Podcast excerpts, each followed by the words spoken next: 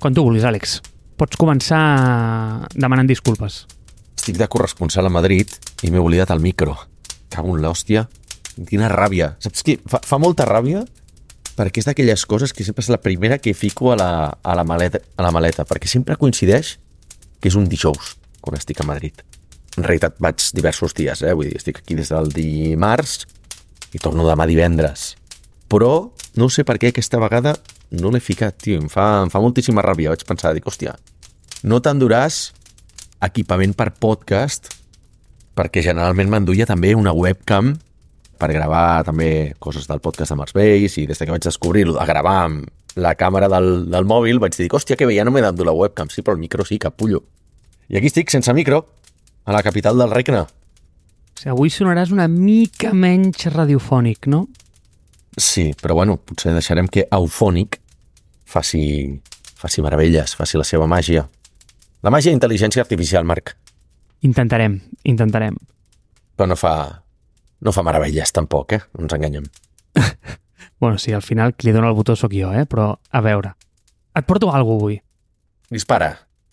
És que ho vaig trobar ahir i em va fer tanta gràcia que vaig pensar, és que no pots perdre't l'oportunitat d'explicar-li i portar-lo al podcast amb l'Àlex.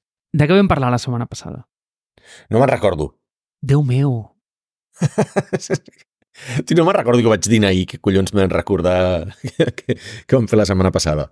No? Jo què sé, la meva vida està plena d'esdeveniments, Marc. Soc una persona rica en experiències. És el contrari que jo, clar, és que la meva vida gira al voltant d'això, llavors, clar, ho tinc molt fresc. Vinc amorrat al micro.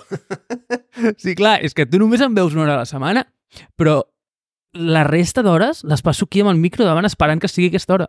I tu et veus tota la setmana, tu mateix. Vull dir que... Exacte. Fixa si són diferents les nostres vides. Bueno, de què, de què vam parlar la setmana passada? Que no me'n recordo, tio. Tio, el calendari de Notion, però quin món vius? Hòstia, és veritat. Vale, doncs ahir per la tarda, d'una forma absolutament atzerosa, vaig trobar una aplicació que, a part de també ser un calendari, comparteix amb Notion una altra cosa, i és que el seu domini és el de Somàlia, cosa que em sembla divertit. No conec moltes més webs que tinguin domini de Somàlia, mm, a part de Notion. És curiosa la història, eh? Perquè tu saps per què Notion té domini de Somàlia o no? Eh, No, però sé de quin producte estàs parlant i jo també el portava per avui. No m'ho puc creure. Ho vas trobar ahir? No, ara, ara t'explicaré. Ara t'explicaré. No, no, no m'ho crec que sigui el mateix. Però digues, per què, per què Notion té el domini de Somàlia? Perquè m'inter- m'interessa bastant. Vale? Jo tampoc ho sabia, però... O sigui, aquesta pregunta que ens acabem de fer, per què Notion té el domini de Somàlia, és com aquestes mítiques preguntes que no els importa a ningú però que no paren de rondar pel meu cap. Llavors, la resposta en aquestes preguntes existeix en un mateix lloc. Es diu Reddit. Allà hi ha gent de la mateixa naturalesa que no paren de preguntar-ho. I, evidentment, hi ha una pregunta de fa 4 anys a Reddit que diu per què Notion té el punt SEO? Llavors, aquí ve la part més divertida encara. Apareix David Apple, que va ser la persona que em va fer l'entrevista de Customer Success a Notion, eh, que vaig mencionar la setmana passada, i diu, és punt SEO de, de, de Somàlia perquè el .com estava agafat, era molt car i no ens el podíem permetre. I Notion tenia molts dominis ja agafats. I diu, ok, ok, ok. Llavors, hi ha com un update d'ell al cap d'un any i poc. Diu, ei, ja he mm, comprat el .com i ara el .com redirigeix al .SEO.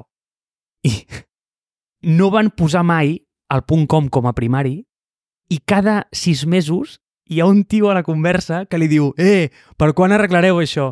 Per quan arreglareu això? I hi ha un... O sigui, el thread aquest té com 5, 4 o 5 anys i cada 4 mesos hi ha un paio que comença a escriure eh, algun update d'això? Algun update d'això? Llavors això em dona com aquesta tranquil·litat de saber que hi ha gent que està molt pitjor que jo i que no només es pregunta aquestes coses, sinó que a l'hora de sopar se sent inquiet i ho ha d'escriure. Llavors jo com que encara no he passat aquest nivell, això em va fer sentir una mica, una mica millor. Però aquest no és el motiu pel qual et portava aquesta aplicació que sembla que tu també me la portaves. I em sembla curiosíssim perquè és algo super nicho.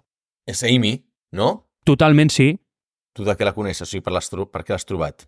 Vols que et digui que la vaig trobar ahir des de Reddit i no em preguntis molt bé com, perquè no sé què em va portar cap allà? Bé.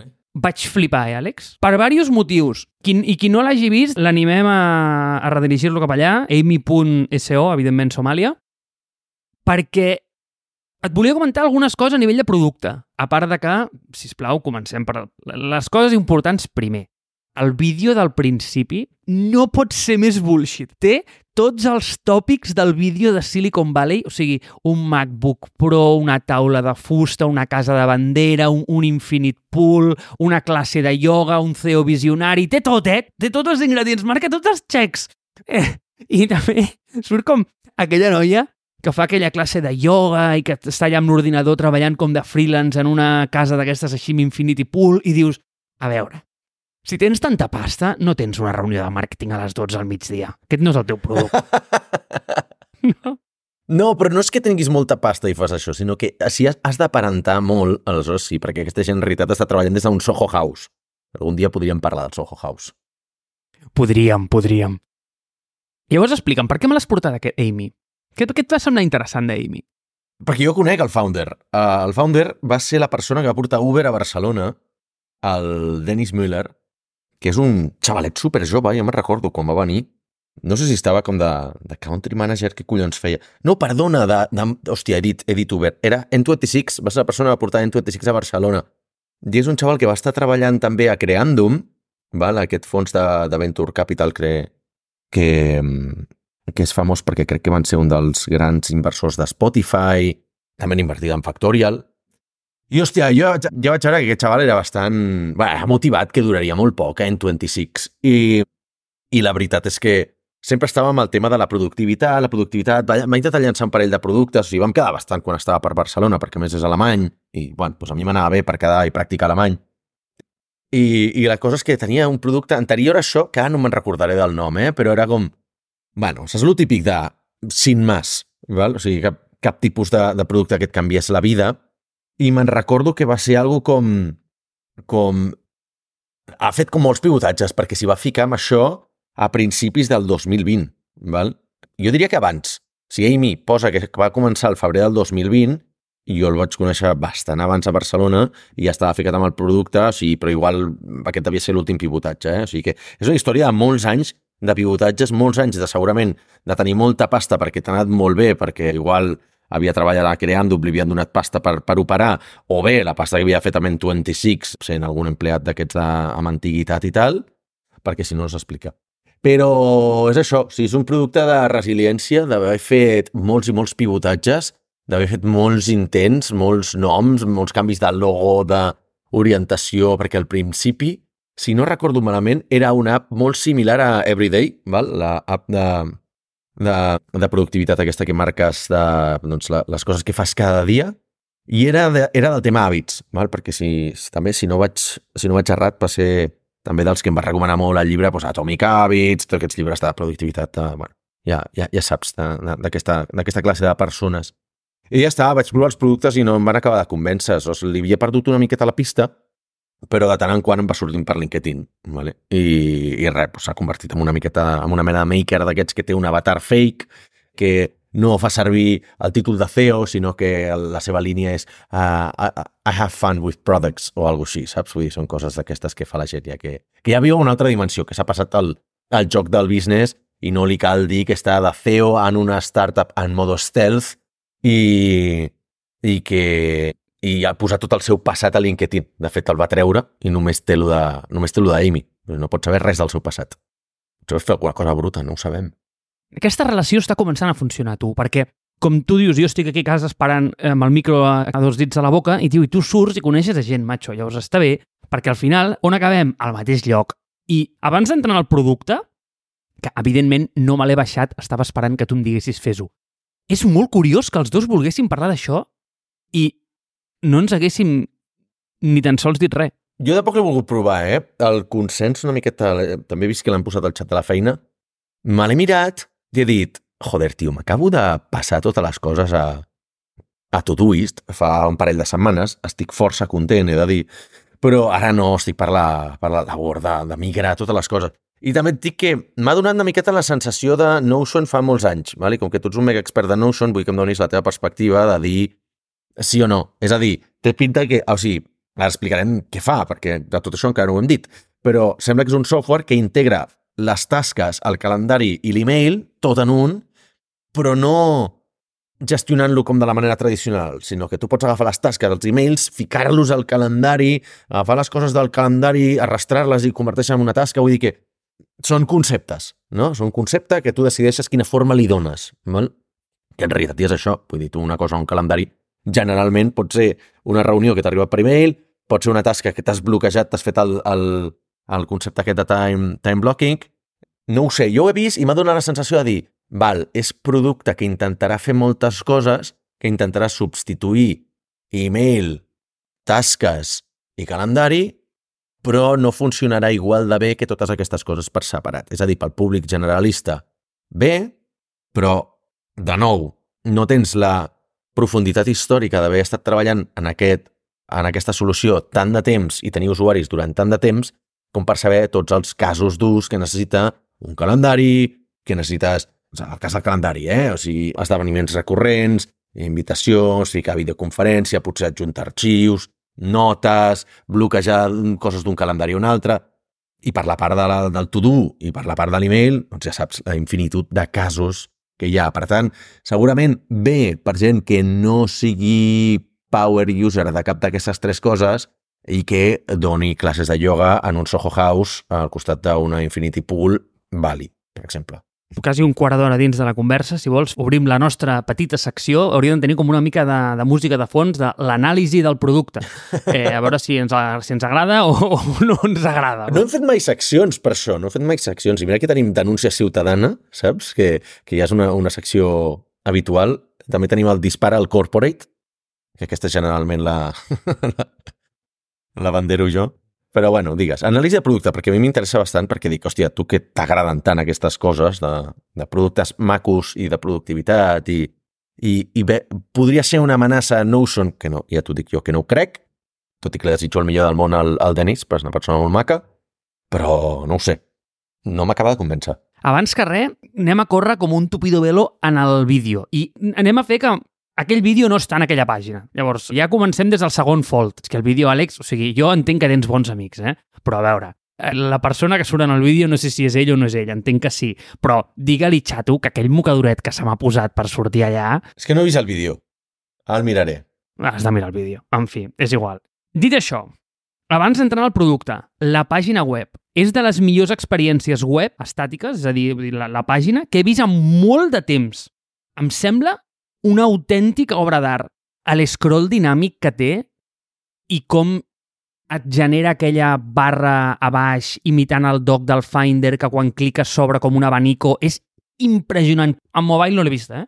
Convido a tothom a que, de veritat, eh, entri a la pàgina perquè és de les millors experiències que he vist mai. Com pots, per exemple, interactuar amb el background, clicar sobre els elements que són com el seu logo i allò pues, es, es va movent, que són coses estúpides, no, no aporten zero valor, però dius, uau, com algú hi ha pensat en això, no? Són aquelles coses com que enriqueixen una mica la, la teva vida i te'n fan anar a dormir una mica més feliç.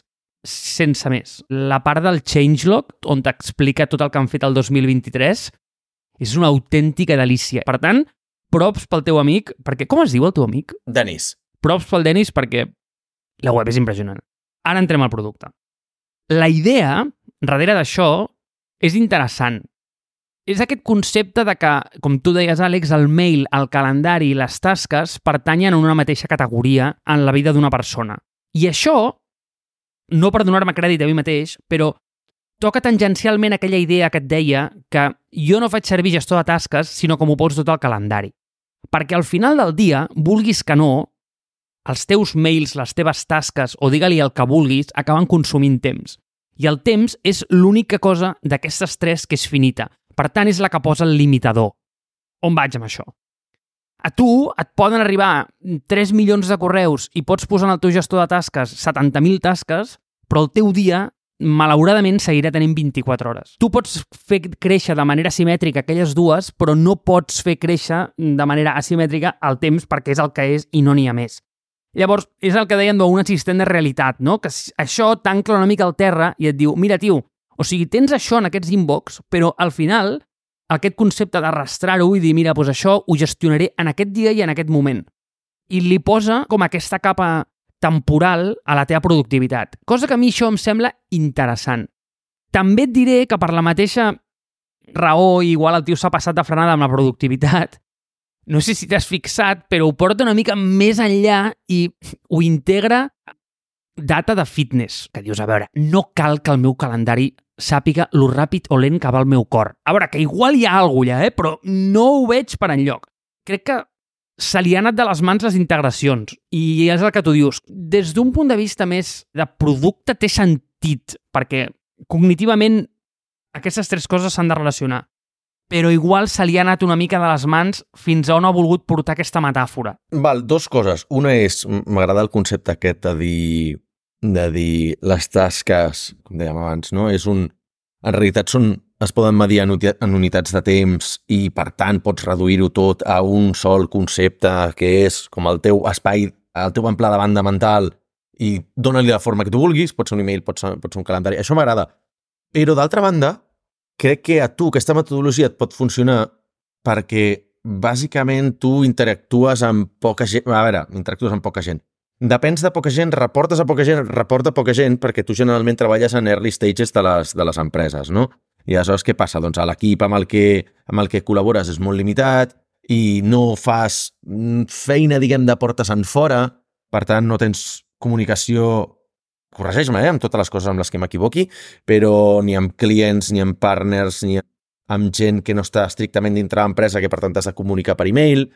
No ho sé, ho trobo molt més com per gent que treballi estrictament o en producte o de cara, de cara dins de l'empresa, no? Però si per persones molt més públiques, molt més...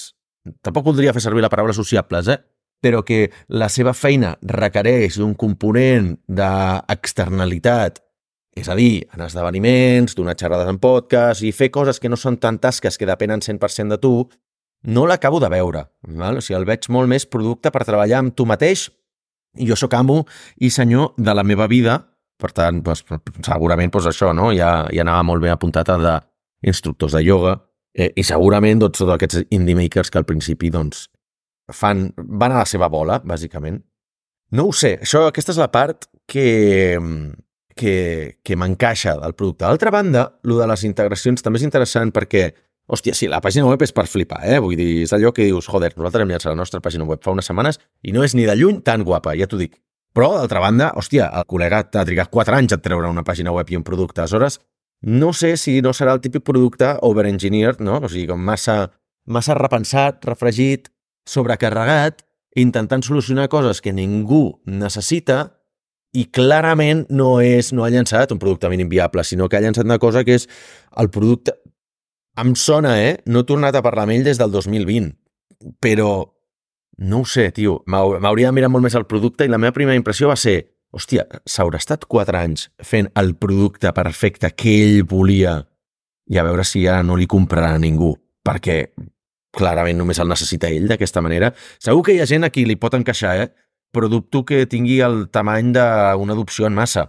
Val? El, el, el, una potencialitat de mercat aquesta com per dir sí, és el producte que tindrà adopció en massa perquè li veig força obstacles. Tant de bo estigui equivocat, i, però bueno, d'altra banda també estem una miqueta sobresaturats de productes com Chrome, Chrome, Notion, Obsidian, Linear, Craft, etc etc. Mm, sempre hi ha espai per un mes, perquè si no Linear doncs, no ho estaria patant de la manera exagerada que ho està fent. I de fet ahir se'ls va caure la web i gairebé no van poder treballar perquè durant... Perdó, la web, es va caure la plataforma. Durant diverses hores, pel seu cinquè aniversari, doncs, doncs no van tenir servei, saps? Sempre hi ha espai per un mes, però com t'ho diria, potser el veig un producte massa treballat, poc invertible i no ho sé, tio. No, jo no me l'acabo de creure. De fet, seré un... agafaré una adopció tardia, si es pot. Val? No crec que me'l fiqui ara, també perquè estic una miqueta... tinc encara les, les cicatrius emocionals d'haver hagut de fer una migració de, de gestor de tasques, de Things a Todoist.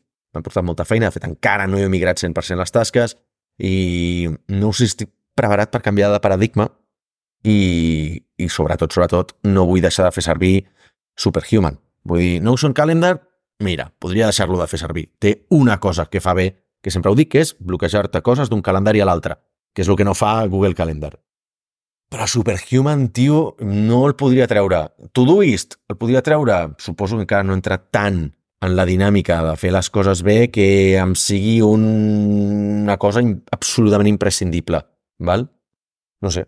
És un producte pels freelancers de Bali.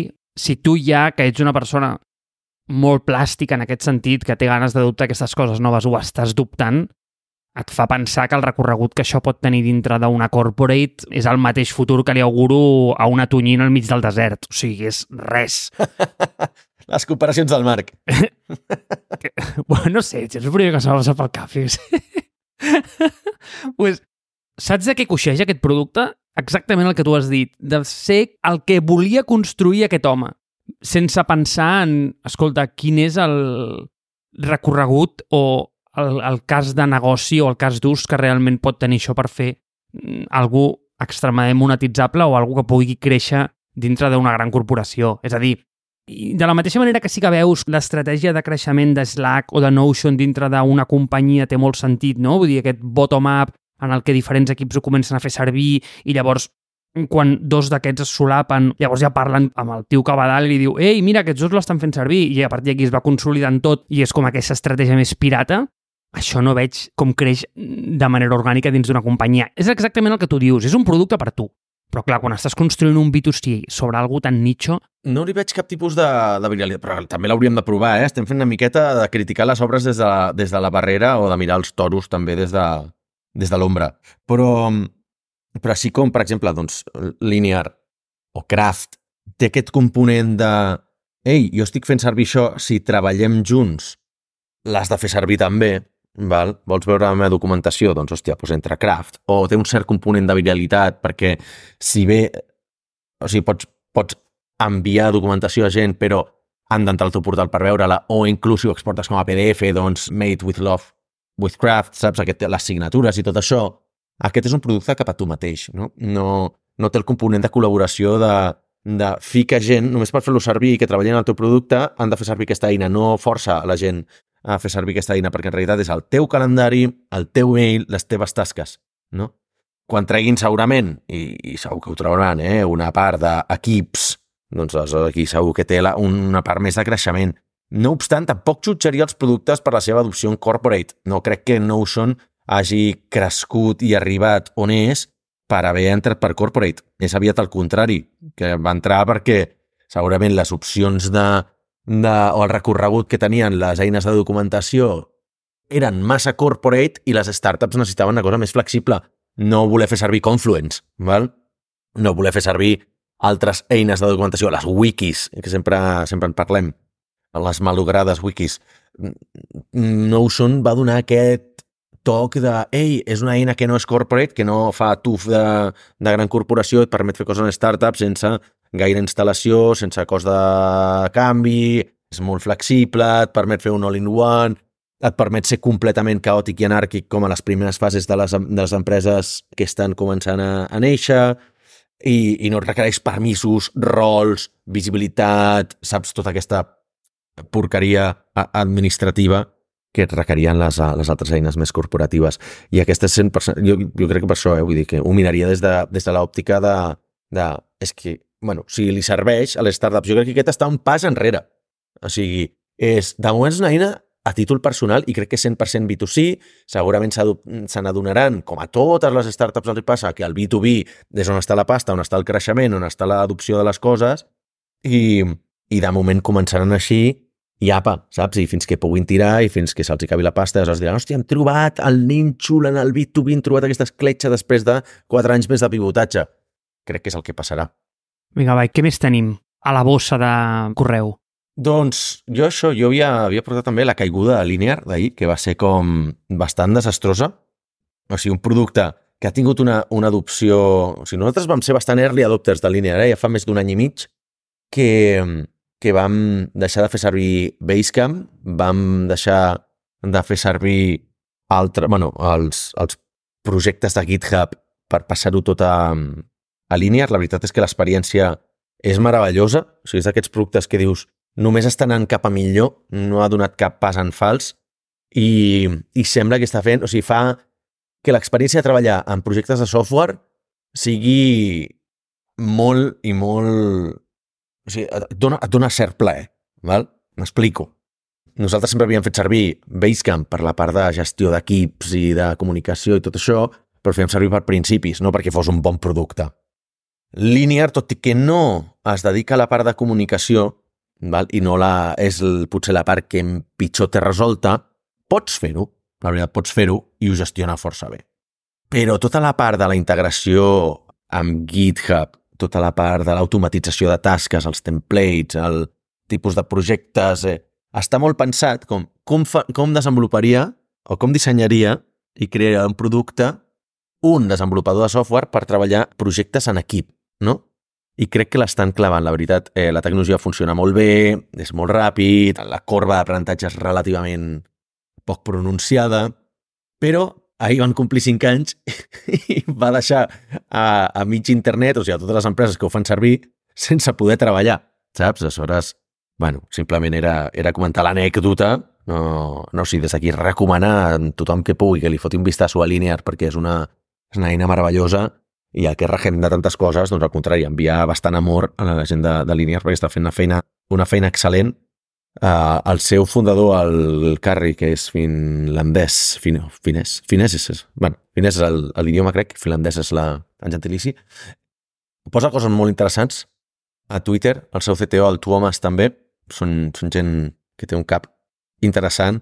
I sobretot que desafien força coses del, del pensament convencional de Silicon Valley, no? D'allò de dir, hòstia, eh, desenvolupar coses perquè sí, no, molts experiments i el fail fast, fail off, en totes aquestes merdes, doncs no són d'això. Tot i que han aixecat un fotimer de pasta, eh? però l'han aixecat potser més en el moment de dir és que ja tenim moltíssims clients de pagament.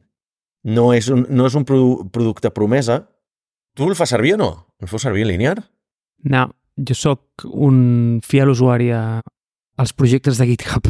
Val hòstia, és que realment quan, quan, quan proves aquesta, aquesta droga i comences a veure que, hòstia, realment, quan algú fa una pull request, aleshores tens l'automatització creada en GitHub, aquí també et canvia la targeta automàticament d'un lloc a l'altre, quan ja fas el deploy de totes aquelles coses, te'ls mou a, a, a, a, a la columna de desplegat, no sé, la veritat són certes coses que, que a mi m'agraden bastant. I el, i el nostre equip l'hem adoptat per tot. De fet, a l'empresa el fem servir no només pels projectes, o sigui, tenim un, un linear, seria un, com un projecte per cada projecte, però també fem servir, jo què sé, per, per, per totes les discussions de l'empresa, per tot el, la, inclús la part comercial, no? els contractes, com està el pipeline de ventes l'hem passat tot allà, el, el, el pipeline també de convidats del podcast, les tasques administratives, què més, tio? Si realment hem passat tota la gestió de l'empresa, ara podria dir que tot, tot, tot es fa a Linear. Els estimates, o sigui, les, la, les propostes comercials també es fan des d'allà, com que té tota la, té tot un mòdul de gestió d'estimacions de tasques, doncs clar, tu ja crees les tasques, les estimes allà, després ho exportes i ens serveix per posar-ho a les propostes comercials de, que fem amb els veïns perquè total ja tenim les tasques allà creades, no? Hòstia, la veritat és que és un producte molt, molt i molt complet i des d'aquí animar l'audiència que el provi o que ens comparteixin les seves experiències amb el amb Linear, perquè segur que hi ha molta gent que ens escolta que el fa servir. Sí, i Àlex, no pensis que venim aquí, que tu dius, eh, a criticar des de la barrera, i tot al contrari, o sigui, ojalà hagués muntat jo Amy.Somalia. El que passa és que, bueno, o sigui, crec que ja hem dit tot el que ens agrada, però també intentem buscar com aquest punt crític, venir donar una mica polèmica, home, però sense maldat, eh? Sense maldat, ja ho saps. Vale, no, eh, mira, això, això és un bon punt. Em porta... Ahir em vaig veure amb el, amb l'Ignacio Arriaga, el fundador de Cumbamail, no sé si el coneixes, eh, que posa uns, uns fils a Twitter força interessants de, de temes tassats cada divendres, i vam tenir una conversa molt interessant al respecte de que fan falta menys empreses, o sigui que hi ha moltes empreses, n'hi ha potser massa, que fan exactament el mateix, i és la mentalitat aquesta de botiguer, que és com, bueno, jo vaig a crear la meva empresa sense fer una miqueta la validació de mercat o creient-me que la meva idea serà molt millor que la que hagi pogut tenir totes les altres persones de la humanitat i jo seré la persona que realment executarà i crearà una eina de calendari que serà molt millor. O sigui, tots aquests deliris de grandesa dins del món de startup cansen força. Aleshores, també acaben creant tota aquesta, aquesta capa, aquesta pàtina de, de superficialitat que tenen totes les empreses perquè en realitat han de caure en el circ aquest de, de haver de vendre's com no, nosaltres som la eina número 1 de no sé què, no sé quantos, i tot ens va superbé, i som molt guais, i de cop i volta, al cap de 3 anys o 4, xapen perquè no han aconseguit suficients clients, no? Vam, vam comentar, a veure si estàs d'acord amb això, que les startups estan passant bastant de moda, val? Jo estic d'acord i crec que inclús era necessari que ja hi hagués una miqueta més d'aquesta de, temporada de, de vaques flaques en la que ja no qualsevol persona amb un PowerPoint o amb un MVP aixeca pasta i pot començar la seva empresa i anar sobrevivint, passant per incubadores, acceleradores, subvencions, beques, mm, business angel aficionats barra crowdcubes que al final t'acaben donant més vida de la que hauria de tenir una empresa normal i haver de malviure durant 8 anys per intentar crear una empresa que ja existeix al mercat i que té zero valor diferenciador. Evidentment, tothom té el seu dret a intentar-ho i a poder crear la seva empresa, però quan afegeixes zero valor al mercat, doncs tampoc t'esperis que, que, que, que t'inverteixi Andreessen Horowitz i que tingui 100 milions d'usuaris, no? Aleshores, no sé fins a quin punt la narrativa aquesta de tu pots ser el teu propi jefe i tal, doncs ja s'ha acabat i, i ara estem veient més una normalització de el que dirien els, els, els amics liberals, una correcció de mercat, no, una normalització del, del, del mercat de la feina, del mercat laboral, dient que, hòstia, igual ja crear empreses no és la solució per tothom. Si no, tornem a una època en la que només certa gent preparada podrà fer-ho i cada cop serà més difícil. Però són cicles, eh?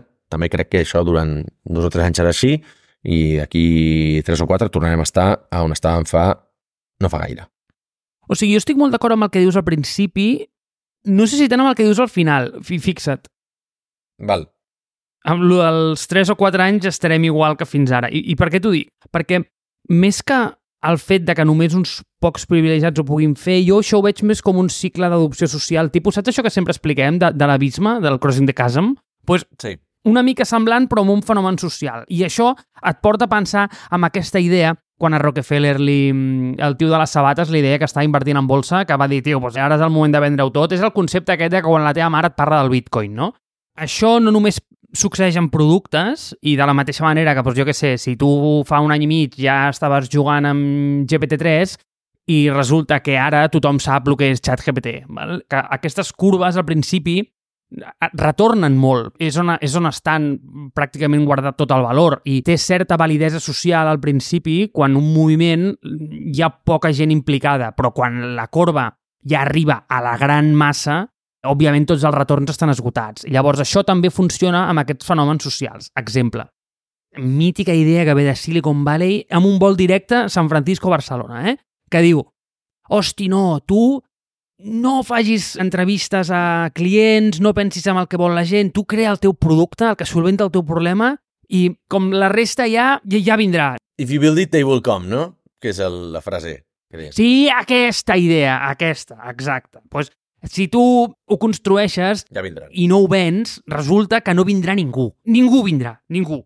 Llavors, això al principi tenia cert sentit perquè quan hi havia tres productes a internet, home, igual sí que del com, perquè com que només n'hi havia tres, igual anaven a mirar un. Però ara, que n'hi han 3 trillons, és molt difícil que vinguin. Per tant, és un model que s'ha esgotat. Llavors, estic d'acord amb tu que aquests cicles d'adopció de producte també passen en fenòmens socials. O sigui, al principi sí que és veritat que si tu el construeixes ja vindran, estic d'acord, i que si tu construeixes la cosa que solventa el teu problema, segur que també solventarà el problema d'algú altre. El que passa és que quan hi han 400.000 tios construint sobre el mateix problema, home, doncs es fa difícil que la gent vingui i et descobreixi per si mateix. I per això, cada vegada més, aquesta corba al principi tenia molts retorns guardats i realment hi havia molt valor allà sota, però ara ja està esgotadíssima, no? Vull dir, és com la persona que en el 2000, ara no recordo quan era, que va ser el 2018 o així, va comprar bitcoin a 16.000 pavos. Jo. a 18. 18.000. molt bé, molt bé. pues, Aquí l'Àlex, en el seu paper de, de late adopter, va pagar el pato de tots els que van anar comprant abans, no? Segur que amb això hi ha exemples per avorrir.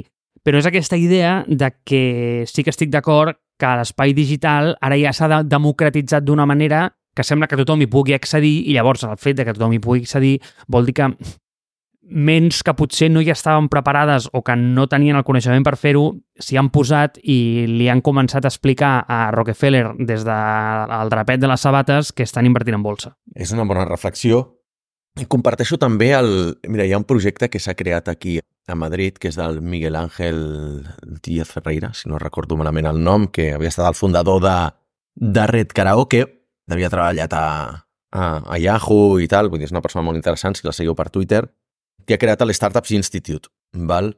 No tinc una opinió formada al respecte sobre una mena de, de MBA, potser no és, no és la paraula, eh? perquè tampoc competeix amb els MBAs, però sí que és una formació de sis mesos per gent que vulgui crear el seu propi negoci i és més un, un, una, una formació orientada a gent que ja ha treballat en el món corporate i vulgui reinventar-se, vulgui deixar de treballar per HP, per Volkswagen o per Fluidra i digui, doncs ara ja tinc tots aquests coneixements de gestió de, de gent, de gestió de, de pressupostos, d'estructura, de processos, doncs vaig ara a crear la meva empresa. No sé fins a quin punt això es pot ensenyar. O sigui, realment tinc molta curiositat per saber com va, perquè una de les coses que et dona l'entorn corporatiu és el no saber navegar la incertesa. Val?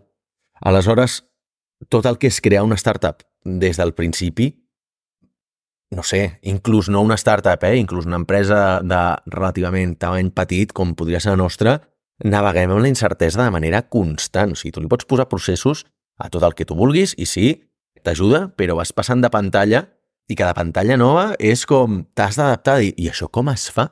Sí, i ara com, com fem? No sé, saps? Les adaptacions al, al GDPR. I ara com fem doncs, hòstia, és la gestió d'impagaments. I ara com fem? Fitxar perfils que no són els que fitxem sempre. Posar una capa intermitja de management. Tenir massa caixa, com ho gestiones? Què fas amb aquests recursos, no? Hòstia, totes aquestes coses no sé realment si es poden ensenyar o no i, i també convidar una miqueta al debat obert, deixar-ho aquí, si vols, un mal, un mal obert, de dir, es pot ensenyar o no es pot ensenyar l'art de crear una empresa des de zero Digue-m'ho tu, que tu ja ho has fet diverses vegades, perquè jo només n'he creat una i de moment ens ha sortit bé, però tinc més la potra del principiant que res. Però, però clar, fa falta aquest perfil, el que havíem comentat més d'una vegada, no? el perfil del Firestarter, que probablement tu n'ets un d'ells, no? però hi ha de gent molt famosa, Nacho González Barros i tal, que són gent que es dedica a crear empreses, que que estan allà fins a l'any 5, quan troben una miqueta de, de product market fit i comença a agafar una miqueta d'escala i ja tenen encarada la ronda per créixer més i passar dels 40 treballadors, doncs ja diuen, això ja no és per mi, me vaig a crear la següent empresa, no? I això, aquest perfil, no és precisament el que ve de les grans corporacions. Aquí tens un bon punt. Jo he sigut víctima d'això, eh? Mira, el concepte aquest de que quan estàs començant a escalar una mica, i comences a fitxar, però segueixes tenint una empresa petita, eh? Vull dir, estem parlant que tens entre, jo què sé, m'ho invento, eh? Vull dir, tens entre 7 i 15 treballadors. I ja comences com a escalar una mica el teu negoci i dius, hòstia, això funciona, tal, i ja tens com aquesta idea de contractar algú que ve d'Enterprise i que té molt coneixement vertical sobre alguna no? És a dir, ah, m'ho invento. Ets el founder de, de Rabbit, te'n recordes? Del... Sí, sí, sí. La muda aquella... Sí, exacte. La moguda aquella d'intel·ligència artificial i dius, oh, mira, ara que el negoci comença a escalar una mica, eh, no sé per què t'he ficat aquest exemple, m'ha vingut al cap. Fitxaré com el director de producte de HP perquè això també és hardware i no què sé, i t'ho lligo amb la teva analogia d'HP. Aquell senyor vellà es presenta amb un malatí de pell, amb unes sabates d'aquestes de xarolet de no sé què i una corbateta, i el primer que pregunta és on està la meva secretària, no?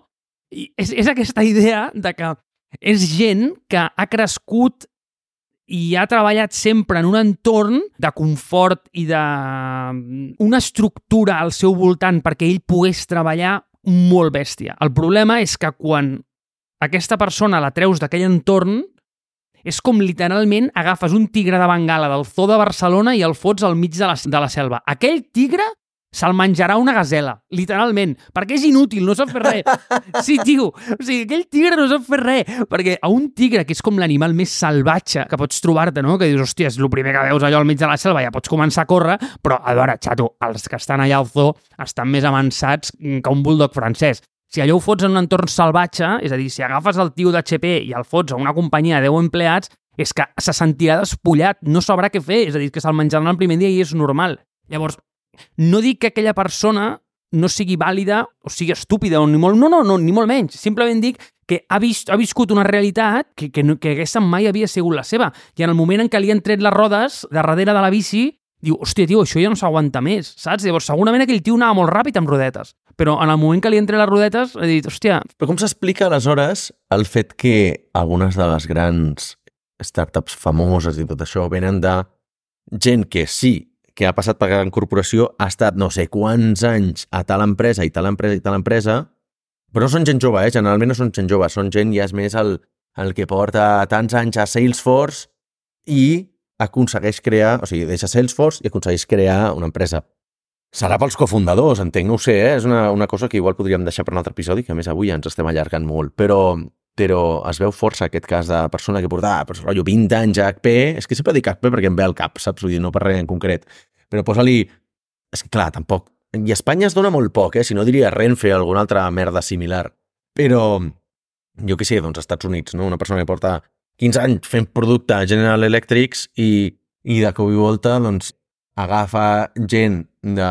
o sigui, agafa un equipet i diu vale, doncs vaig a crear, vaig a crear una empresa, no?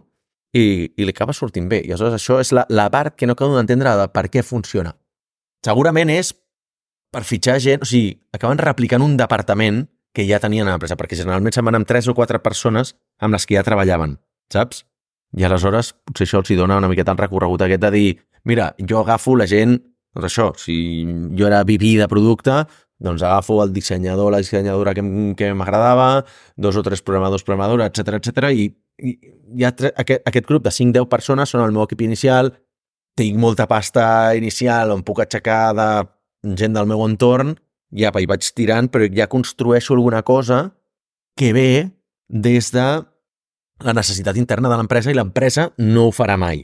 L'empresa, com a tal, Booking.com no volia fer B2B i aleshores, doncs, Javi Suárez i companyia van dir doncs ja el farem nosaltres, el B2B, val? però el farem i es dirà Travel Perk. Val? Doncs aquest, aquest tipus d'exemple. No ho sé, jo és una cosa que, que em dóna que pensar. Generalment també és veritat que la gent que vol sortir de corporate i vol ficar-se en empresa solen triomfar, crec, basada en dades al bulto completament i, i zero, zero dades que recolzin la meva, la meva um, proposta, és que si ja tenen el, el producte pensat, els hi va molt millor que els que diuen deixo la feina corporativa perquè no sé què, perquè bueno, vull, vull provar el món de les startups. Aquests, sense tenir clar què volen fer, es foten unes hòsties al·lucinants i es dona una, una irresponsabilitat categòrica, però bueno.